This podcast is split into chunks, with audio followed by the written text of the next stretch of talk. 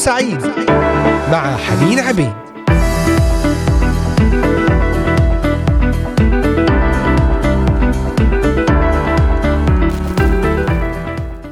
كل عام وأنتم بخير جميعا. أحبائي المسيح قام حقا قام فصحا مجيدا. ولجميع الأحباء المحتفلين بعيد الفصح في التقويم الغربي كل عام وأنتم بألف خير.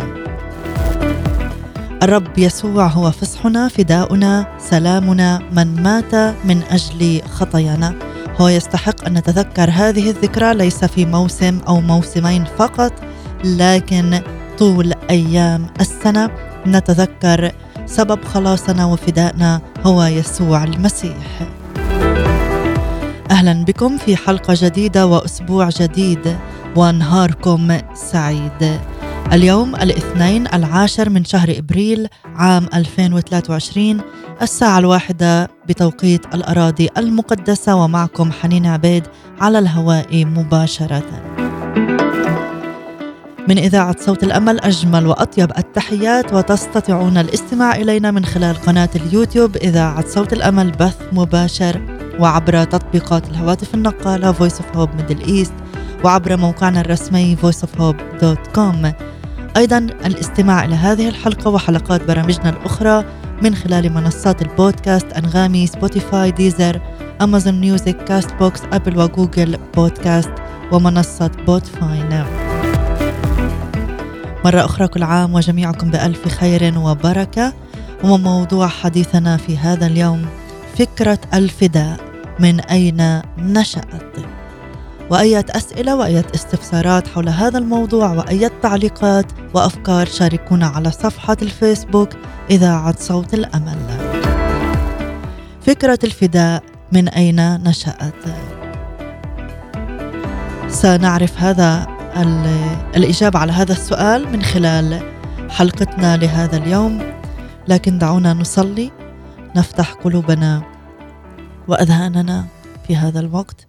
إن كان لديك طلبة صلاة أي احتياج معين أي ظروف تمر بها الرب الذي جاء لفدائك وتألم على الصليب من أجلك وقام منتصرا من أجلك هو يعرف كل ما تمر به.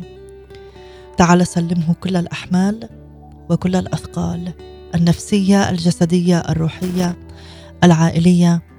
تعال ضعها عند قدميه. سلمه قلبك وفكرك في هذا الوقت واستلم مشاعري يا رب وقلبي لأسمع كلامك وأتغير. آمين. آمين. نشأة الفداء.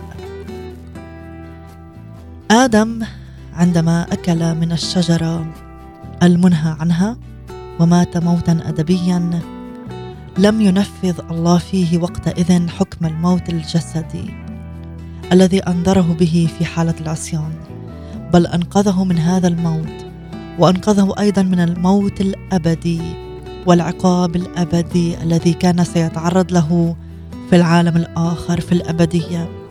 وذلك بأن الموت وقع على حيوان عوضا عنه وإن كانت هذه الذبيحة الحيوانية في حد ذاتها غير كافية للفداء لكنها كانت رمز لذبيحة عظمى في نظر الله. لذلك اكتسبت وقتئذ شرعا وقوة للفداء. الله بعدما اقتاد آدم وحواء للاعتراف بعصيانهما والندم عليه صنع لهما اقمصه من جلد وألبسهما. وبما أن الكتاب المقدس لا يستعمل كلمة إلا في معناها الصحيح لذلك لا مجال للشك بأن الرب لم يخلق هذه الأقمصة من العدم بل صنعها. وكانت صناعتها تستلزم وجود جلد وقتئذ لكي تصنع منه. والله لم يخلق جلدا بمفرده بل خلق حيوانات يكسوها الجلد. إذا فمن المؤكد أنه بوسيلة ما تم ذبح حيوانين ومن جلدهما صنعت هذه الأقمصة. لكن إذا تأملنا الظروف المحيطة بهذا الموضوع يتضح لنا أن الغرض من ذبح الحيوانين المذكورين لم يكن مجرد الحصول على الجلد بل التكفير بهما عن آدم وزوجته حواء. وذلك للأسباب التالية. الرب الذي خلق العالمين بكلمة لم يكن من العسير عليه أن يخلق أقمصة من الجلد بكلمة أيضا. وبذلك بدلا من ذبح الحيوانين لاستخدام جلدهما في صنع الأقمصة المذكورة. آدم وحواء لم يستثمرا لحم هذين الحيوانين في شيء ما لأنهما كانا يأكلان النباتات فقط حسب الاعتقادات ولم يكن هناك مبرر لذبح حيوانين اللذين ذكرا لولا أن الله قصد بهما كفارة أول فدية عن آدم وامرأته. والامر الثالث هابيل ابن آدم قدم عن نفسه ذبيحة حيوانية. ومن المؤكد أنه ما كان يمكن أن يعرف عن تقديمها وكيفية تقديمها أو ضرورة تقديمها من تلقاء ذاته. بل لابد أن عرف عن هذا الأمر من أبيه. وطبعا ما كان أبوه ليعرف لولا أنه أدرك أن الله قصد بذبح الحيوانين. أن يكون كفارة عنه وعن امرأته. الموت الذي كان يجب أن يحل بادم وحواء بسبب عصيانهما رتب الرب أن يحل عنهما هذا الموت ويرحل عنهما وأن لا يأخذ القصاص إلا بموت حيوانين بريئين عوضا عنهما. وهذا كان إيفاء لمطالب عدالة الله على النحو الذي ارتضاه من جهة أخرى. الرب ستر عري آدم وحواء الذي ترتب على عصيانهما وغطى نتائج خطاياهما بجلد بجلد هذين الحيوانين. الله قد جعل الفداء أساس الخلاص. الله قد جعل الفداء أساس الخلاص من قصاص الخطيئة ونتائجها السيئة التي كانت يشار إليها بالعري وقتئذ الله هو الذي قدم هذا الحيوان بالنيابة عن آدم وحواء صنع لهما أقمصة من جلد ذبح هذا الحيوان تذكارا لنا بالحمل الأعظم يسوع المسيح. حمل الله مع خدمة الحياة الجديدة ونعود ونكمل بموضوعنا حول نشأة الفداء.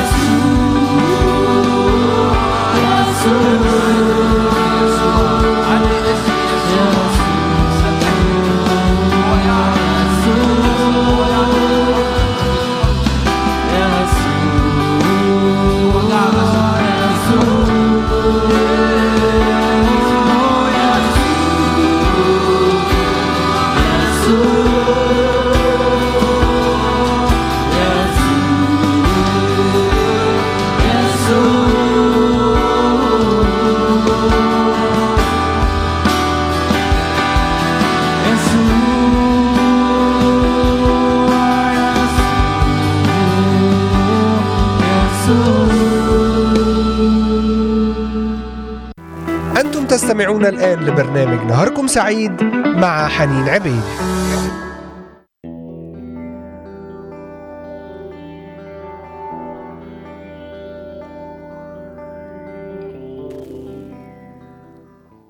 يسوع يسوع ما أروع هذا الاسم ما أمجد هذا الاسم الذي فيه الفداء فيه الحرية فيه الخلاص.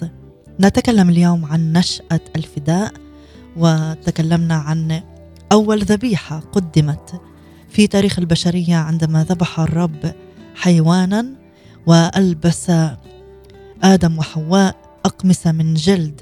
وكيف صنعت هذه الأقمصة؟ كان يتوجب ذبح حيوان ليكون تكفيرا عن خطأ آدم وحواء ورمزا لموت الرب يسوع المسيح الكفار من أجلنا. وأيضا هنالك لمحة عن الفداء في عصر الآباء. عصر الآباء هو العصر الذي عاش فيه المؤمنون بالله قبل نزول أي شريعة. ومن ثم كانوا يتقربون إليه ويتعبدون له على أساس الذبيحة التي سلم مبدأها لآدم عندما سمح بذبحها نيابة عن نفسه. كما يتضح لنا من الآتي. إن هابيل كما ذكرنا قبل الفاصل قدم ذبيحة لله ويسجل الكتاب المقدس أنه قدمها من أبكار غنمه ومن سمانها وأنه قدمها بإيمان أن الله يرضى عنه على أساسها وأنه لإيمانه هذا شهد الرب عنه أنه بار. وهذه أول مرة يوصف فيها إنسان بأنه بار في الكتاب المقدس ومن مواضع كثيرة منها. يتضح لنا أن البار لدى الله ليس هو الإنسان الخالي من الخطيئة لأنه لا يمكن أن يكون إنسان كهذا بل هو الإنسان الذي يدرك استحقاقه للقصاص الأبدي بسبب خطاياه بالإضافة إلى توبته عنها. يعتمد في أمر القبول أمام الله على كفارة يرتضيها بناء على وصاياه في العصر الذي تقدم فيها وذلك لإيفاء مطالب عدالته على النحو الذي يقبله. ونوح بعد خروجه من الفلك بنى مذبحا للرب وأخذ من كل البهائم الطاهرة والطيور الطاهرة واصعد محرقة على المذبح فتنسم الله رائحة الرضا. حسب ما ذكر في تكوين الأصحاح الثامن. نوح وإن كان أفضل من معاصريه الذين أهلكهم الطوفان غير أنه أدرك ببصيرته الروحية أنه خاطئ ومستحق للهلاك. وإن إنقاذ الله إياه من هذا الهلاك إنما يرجع إلى رحمته ومن ثم قدم الذبائح والطيور الطاهرة والبهائم الطاهرة عالما بالإيمان أنها وحدها هي التي تليق أن تقدم للرب. وإبراهيم عندما ظهر الله له بالقرب من شاكيم بنى مذبحا له هناك ولما حل بعد ذلك شرقي بيت إيل بنى مذبحا آخر. وعندما نقل خيمته إلى بلوطات ممره بنى مذبحا ثالثا. وبناء هذه المذابح دليل على أن إبراهيم كان يقدم عن نفسه ذبائح لله. والدليل أيضا أنه كان يعبد الله ويكرس حياته له. فضلا عن ذلك فإن الله عندما طلب منه أن يقدم ذبيحة ابنه الوحيد لم يتردد لحظة واحدة. لكن نظرا لأن هذا الطلب كان مجرد امتحان أراه الله كبشا فقدمه إبراهيم ذبيحة عوضا عن ابنه أو فدية عنه. وإسحاق عندما ظهر الرب له ووعده بمباركة نسله بنى مذبحا ودعا باسم الرب معلنا بذلك أن للرب هو للرب وأنه يذبح له دون سواه. ويعقوب لما أتى سالما إلى مدينة شكيم أقام مذبحا ودعاه باسم بيت إيل. ايل كلمة تعني الله الله. وأيوب أيضا كان يقدم ذبائح بعدد أبنائه لله. اذا يتضح لنا أن المبدأ الذي على أساسه كان الله يظهر الرحمة للبشر هو اعترافهم بأنهم خطاة وأنهم يستحقون القصاص الأبدي بسبب خطاياهم ثم تقديمهم بعد ذلك الذبائح عوضا عن نفوسهم. ماذا عن الفداء أيضا في اليهودية في الإيمان اليهودي في العهد القديم؟ سنعرف ذلك بعد هذه الترنيمة. يسوع قادر مع المرنم زياد شحادي.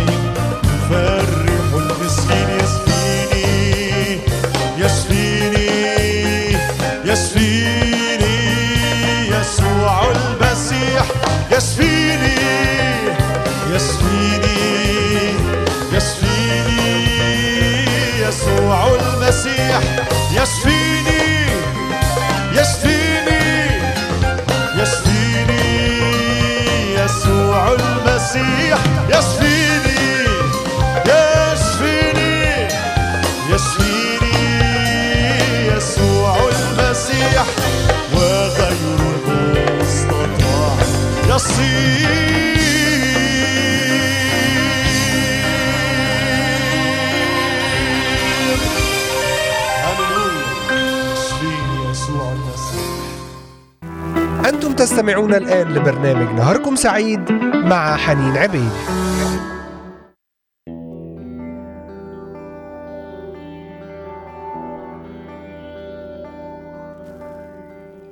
يشفيني يشفيني يسوع المسيح.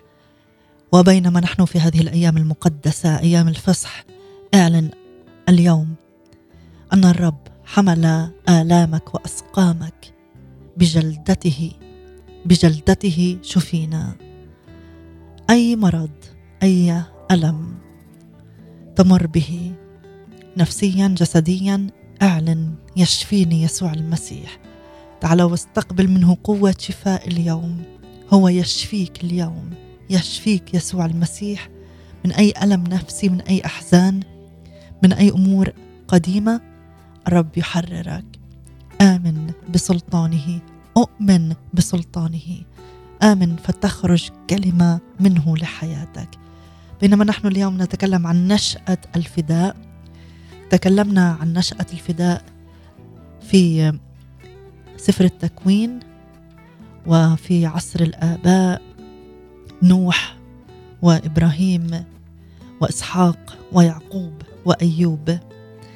الفداء في الإيمان اليهودي في اليهودية هذه أو هذا الفداء يشمل الذبائح التي كان يقدمها الشعب وفق الشرائع التي أعلنها الله لموسى.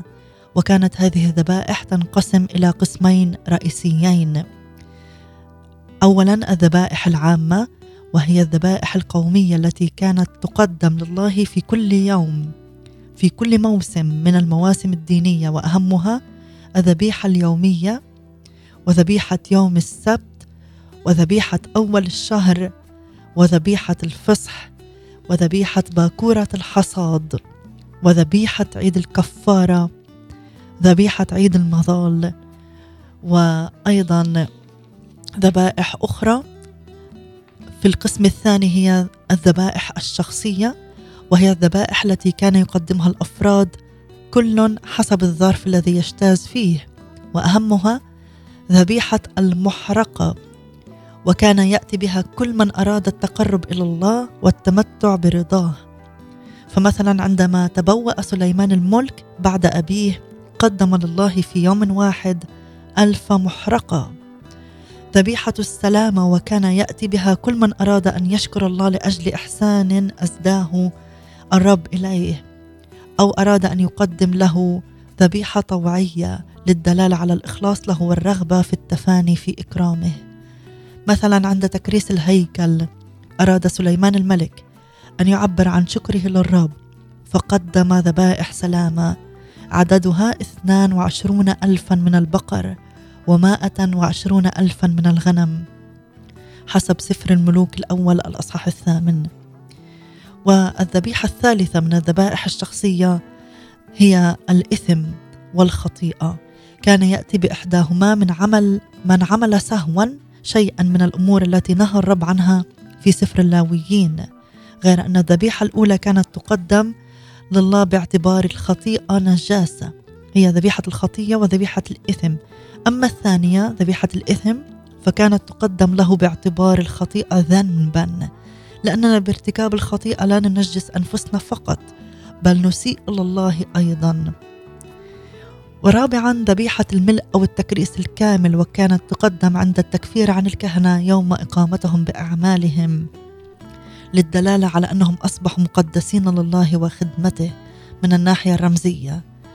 ذبائح التطهير الخاصة بالولادة بالأم عندما تلد والأبرص عندما يبرأ. وذبائح الطهارة هذه كلها مذكورة في سفر اللاويين الأصحاح الرابع عشر والثاني عشر أيضا. ذبيحة سفر العدد لأنه دون البكر من الحيوانات النجسة كان يليق تقديمه لله. وهي لوصف أن الرب يريد أن يعلم الشعب الفداء مبدأ الفداء مبدأ الفداء. أحبائي سنتابع في موضوع نشأ الكفارة بعد هذه الترنيمة القصيرة.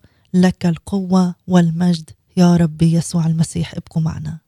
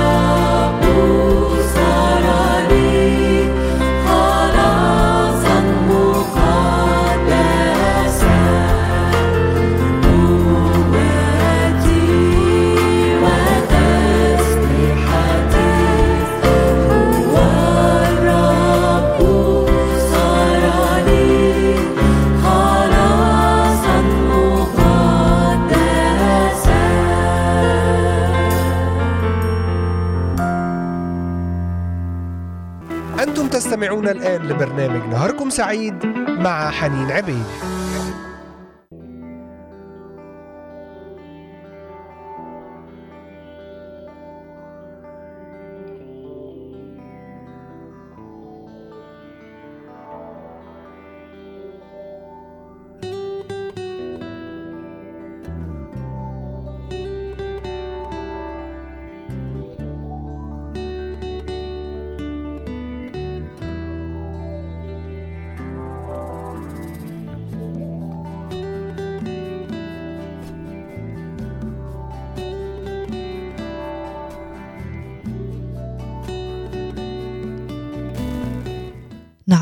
نعم ما أجمل كلمات هذه الترنيمة لك القوة والمجد والعزة والبركة إلى الأبد. مخلصي يسوع المسيح. يسوع المسيح هو المخلص لكن هل أعلنته مخلصا لحياتك؟ نتحدث في هذه الحلقة عن نشأة الفداء. تحدثنا عن الفداء.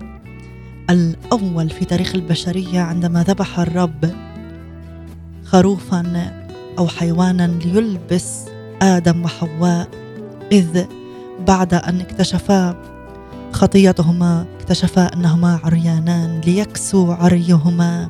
بهذا الخروف الذي ذبحه وصنع لهما أقمصة من جلد. تحدثنا عن أنواع الذبائح في سفر اللاويين. في عصر موسى في الشريعة اليهودية وتحدثنا قبلها عن الفداء في عصر الآباء. أيضا في الوثنية كان هنالك مبدأ الفداء إذ نبذ معظم الناس في الوثنية من عهد بعيد. لكن نظرا لأنها كانت ولا تزال منتشرة في بلاد متحضرة ويعتنقها إلى الآن أشخاصا نالوا قسطا وافرا من الثقافة لذلك لا شك أنها قامت على آراء جديرة بالبحث. إذا معظم الناس نبذوا الوثنية لكن هنالك آراء نحو الوثنية. أولا كان الوثنيون في أول الأمر يعبدون الله الواحد لكن لعجزهم عن إدراكه عبدوا الكائنات التي تصور لهم أو تصورت فيها هذه الصفات. التي تخيلوا اتصاف الله فيها. ومن ثم رفعوا هذه الكائنات إلى مرتبة الألوهية لديهم وتقدموا إليها بكل خشوع واحترام بعد غسل أجسادهم بماء كانوا يدعونه الماء المقدس. كما قربوا لها هذه الذبائح الحيوانية لكي ينالوا حسب اعتقادهم غفرانها ورضاها. وكان معظم الوثنيون يعتبرون ويعتزون بهذه الذبائح اعتزازا عظيما فكانوا يزينونها بأزهار جميلة ويرقصون حولها ويقومون بطقوس غريبة. وبعد ذلك كانوا يسلمونها إلى الكاهن ليتولى تقريبها إلى آلهتهم. وكان قدماء المصريون يواظبون على تقريب الذبائح الحيوانية لآلهتهم وكانوا يعدون لهذا الغرض مذبحا خاصا في كل هيكل من هياكلهم. وكان من الواجب على الكهنة الذين يقربونها أن يكون شعرهم محلوقا وملابسهم نظيفة حتى لا يكون بهم شيء من الهوام أو النجاسة بحسب نظرهم. وكانوا في أثناء تقريب الذبائح المذكورة ينشدون ترانيم معينة ويقومون بشعائر خاصة. أما عند استعطافهم لإله معين فكانوا يحرقون الضحايا وهي حية. وبعد حرقها كانوا يذرون رمادها في الهواء لكي ينتزع منه كما يعتقدون كل شر يمكن أن يكون فيه. وبلغ شعور الفرس والبابليين بشر الخطيئة وهنالك أيضا تقديمات لديهم حتى أنهم كانوا يشعلون نارا أمام آلهتهم ويطرحون فيها أبناءهم لكي يكونوا كفارة عنهم أو روادا يفسحون لهم الطريق إلى العالم الآخر أو رسلا يحملون المعونة لأقاربهم الذين رحلوا إلى هذا العالم من قبل. ومن ما يثير الدهشة أنهم كانوا يحرقون أبنائهم وسط قرع الطبول وهتاف المغنيين. والهنود كانوا يعذبون أنفسهم بطرق كثيرة مثل المشي على المسامير وعدم تحريك أيديهم أو أرجلهم. أو قطع بعض الأجزاء من أجسامهم ظنا منهم أنهم بهذه الوسائل يكفرون عن خطاياهم ويتخلصون منها ومن عقابها كما كانوا يقدمون ابنائهم طعاما للحيوانات لكي يحصلوا على عفوها ورضاها حسب الاعتقاد. و أيضا الكاهن الذي كان يقدم الذبائح في الهند كان يطهر اولا نفسه بماء يدعى الماء المقدس ثم يطهر الجو المحيط به بواسطة رسم دائرة واسعة في الفضاء في ذراعه.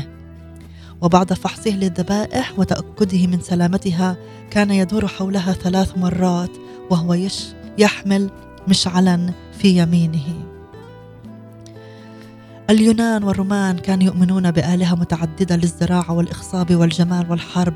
غير ذلك أيضا وخشية أن يكونوا قد نسوا واحدا منها بنوا مذبحا وكتبوا عليه لإله مجهول حسب ما نقرأ أيضا في العهد الجديد. إذ مر بولس على مذبح كان مكتوب عليه إله مجهول أو لإله مجهول.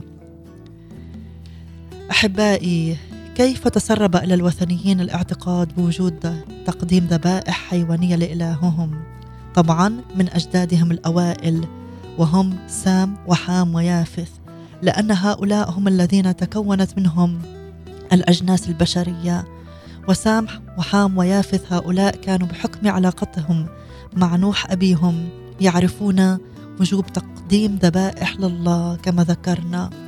لكن على مر الأيام نسي أبنائهم الذين عرفوا فيما بعد بالوثنيين. نسلوا نسوا الرب وبقي اسمه فقط عالقا بأذهانهم. لذلك كانوا يطلقون هذا الاسم على الكائنات التي تخيلوا أنها تتصف بصفاته ومن ثم كانوا يقدمون الذبائح والقرابين إليها وفقا للمراسيم التي ذكرناها. ولكن ما هي أهمية سفك الدم؟ أهمية سفك الدم للذبائح للحصول على الغفران. سنتابع بعد هذا الفاصل مع ترنيمة أنت الأسد الخارج الغالب. ويلي مت بدالي مع المرنمة اللبنانية باسمة ابقوا معنا.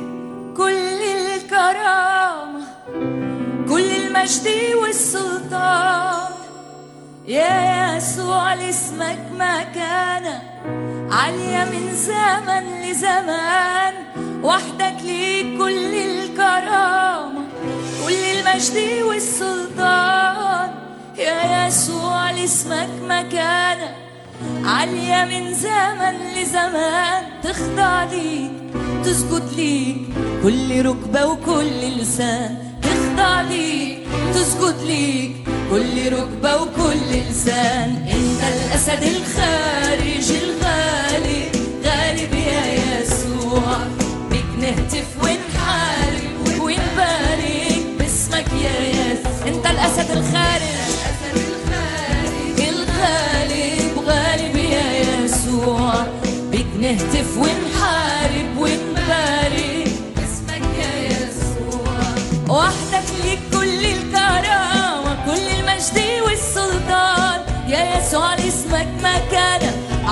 means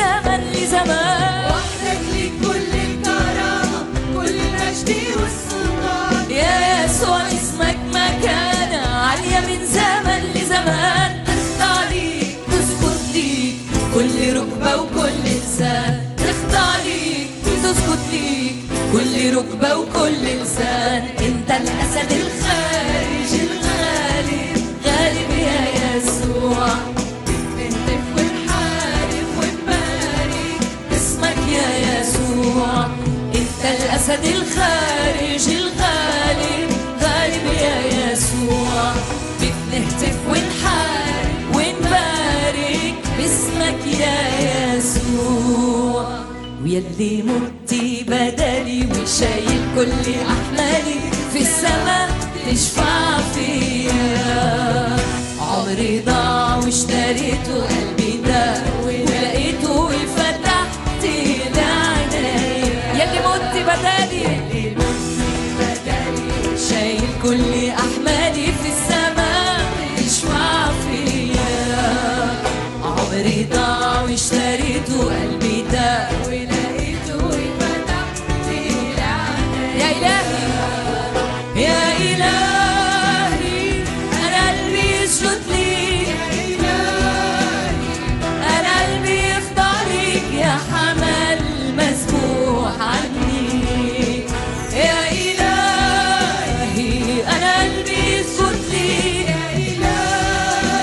يخضع ليك يا حمل مجدا للحمل ليك المجد والكرامة. المجد والكرامة والبهاء ليك علامة سلطانك.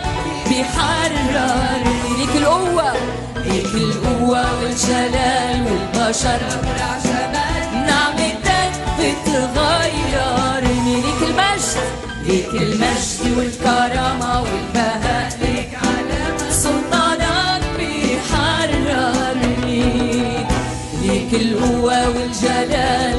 والبشر أبرع قول مع بعض. يا إلهي.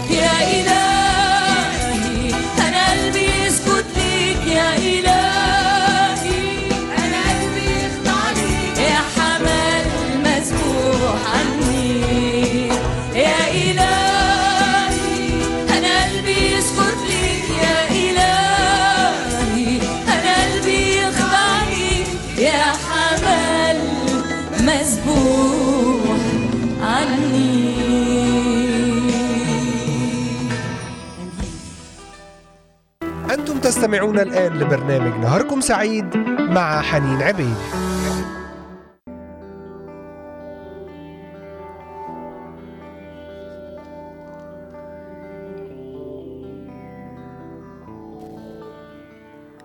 يا حمل مذبوح عني يلي مت بدالي وشايل عني أحمالي. الرب مات من أجلك رب يحبك. هذه حقيقة يجب أن نتذكرها ليس فقط في مناسبة الفصح لكن كل يوم نمتلئ بهذه الحقيقة وندركها ونعلنها أن يسوع أحبنا حبا عميقا وعجيبا جعله يذهب إلى الصليب.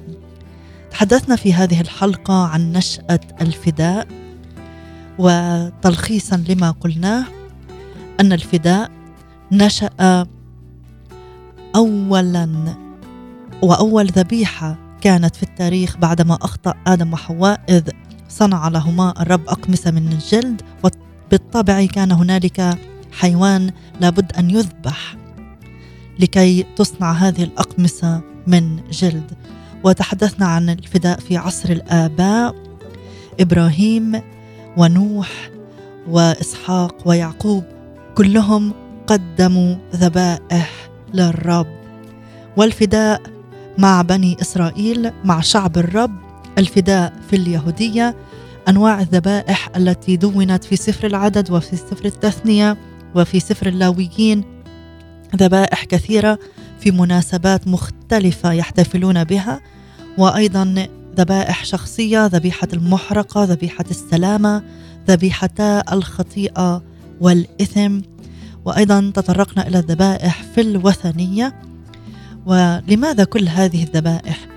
ولماذا أدرك الإنسان أهمية وجود ذبيحة وسفك دم؟ تعتري الناس أو بعض الناس دهشة عظيمة عندما يرون الأضاحي الكثيرة التي كانت ولا تزال تقدم في معظم بقاع الأرض.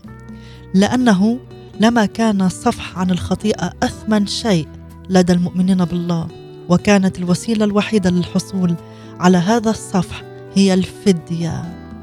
كان امرا بديهيا أن يضحي هؤلاء الأشخاص بهذه الكمية من الذبائح. قال الله لموسى في العهد القديم إن النفس هي في الدم نفس الجسد هي في الدم فأنا أعطيتكم إياه على المذبح للتكفير عن نفوسكم لأن الدم يكفر عن النفس. وقال بولس الرسول بدون سفك دم لا تحصل مغفرة. لكن كل هذه الذبائح لم يعد لها صلاحية لأنها ما كانت إلا ظلالا وتحضيرا لأن يأتي يسوع المسيح لكي يقدم بالنيابة عن كل البشرية ذبيحة وفدية وأن يكون هو المخلص الوحيد من الخطية. هنالك شروط يجب أن تتوفر بالفادي والفدية. يجب أن تكون مساوية في قيمتها للشيء المطلوب فداءه. وبما أنه لا يساوي الإنسان إلا إنسان مثله لأنه ليس له نظير بين الكائنات وليس له من يعادله ويساويه. لذلك فالفدية أو بالأحرى الفادي الذي يصلح للتكفير عن نفوسنا يجب أن يكون انسانا على الأقل إنسانا. لهذا جاء يسوع اتخذ صورة إنسان جاء في الجسد في ملء الزمان لكي يخلصنا من خطايانا. وهذا الفادي لن يكون لإنسان واحد فقط بل لكل الناس.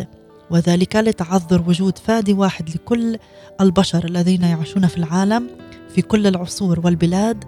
يجب أن تقوم وتكون قيمة هذا الفادي معادلة لكل هؤلاء الناس. وبأن الفادي لو كان من جنس يختلف عن جنسنا لما استطاع أن يكون نائبا عنا. لذلك فإنه مع عظمته يجب أن يكون واحدا من جنسنا. وبما أن الفادي كان خاطئا مثلنا لكنه محروما وكان محروما من الله وواقعا تحت قضائه وقصاصه. لا يستحق بهذا أن يكون فاديا ومخلصا لنا. ولو كان مخلوقا لكان بجملته ملكا لله وشخص ليس ملكا لنفسه بل ملكا لله لا يحق له تقديم نفسه فدية عن إنسان ما. اذا فالفادي يجب أن يكون شخصا غير مخلوق لكي يكون من حقه أن يقدم نفسه كفاره ولا يمكن الحصول على الغفران والتمتع بالوجود في الحضرة الإلهية إلا إذا تم اولا ايفاء مطالب عدالة الله وقداسته التي لا حد لها. فالفادي يجب أن يكون أيضا ذا مكانه لا حد لسموها حتى يستطيع ايفاء مطالب الرب. من هو هذا الفادي العظيم؟ من هو هذا الفادي القادر الخالي من الخطيئة والمعصوم عنها؟ غير المخلوق في ذاته وغير المحدود حتى يستطيع أن يفي مطالب عدالة الله. من هذا؟ لم تستطع الكائنات الحية أن تفي عضله الله. كانت ظلالا ورموزا. أتى يسوع انسانا والها في ذات الوقت الإله المتجسد لكي يفديك عن خطيتك. تعال في هذه الحلقة وفي نهايتها. قل له يا رب أشكرك على يسوع المسيح الذي أرسلته. أفتح قلبي وأقبله مخلصا في حياتي. ليأتي وطهرني من خطياتي ويعطيني حياة جديدة حياة أبدية. أشكرك يا رب على كل من استمع إلينا. بارك بقية يومنا وأعمالنا وأمورنا باسم الرب يسوع المسيح. آمين. وبعد كل الذي استمعناه عن الفداء تعالوا نرنم ونصلي مع مارينا رحمه أريد قلبا أريد قلبا يعرفك يا رب قلبا لك يكون لك مخصصا لك. وإلى لقاء في حلقة جديدة بنعمة الرب عن قريب. كانت معكم حنين عبيد لكم مني أجمل وأطيب التحيات. إلى اللقاء القريب بنعمة الرب.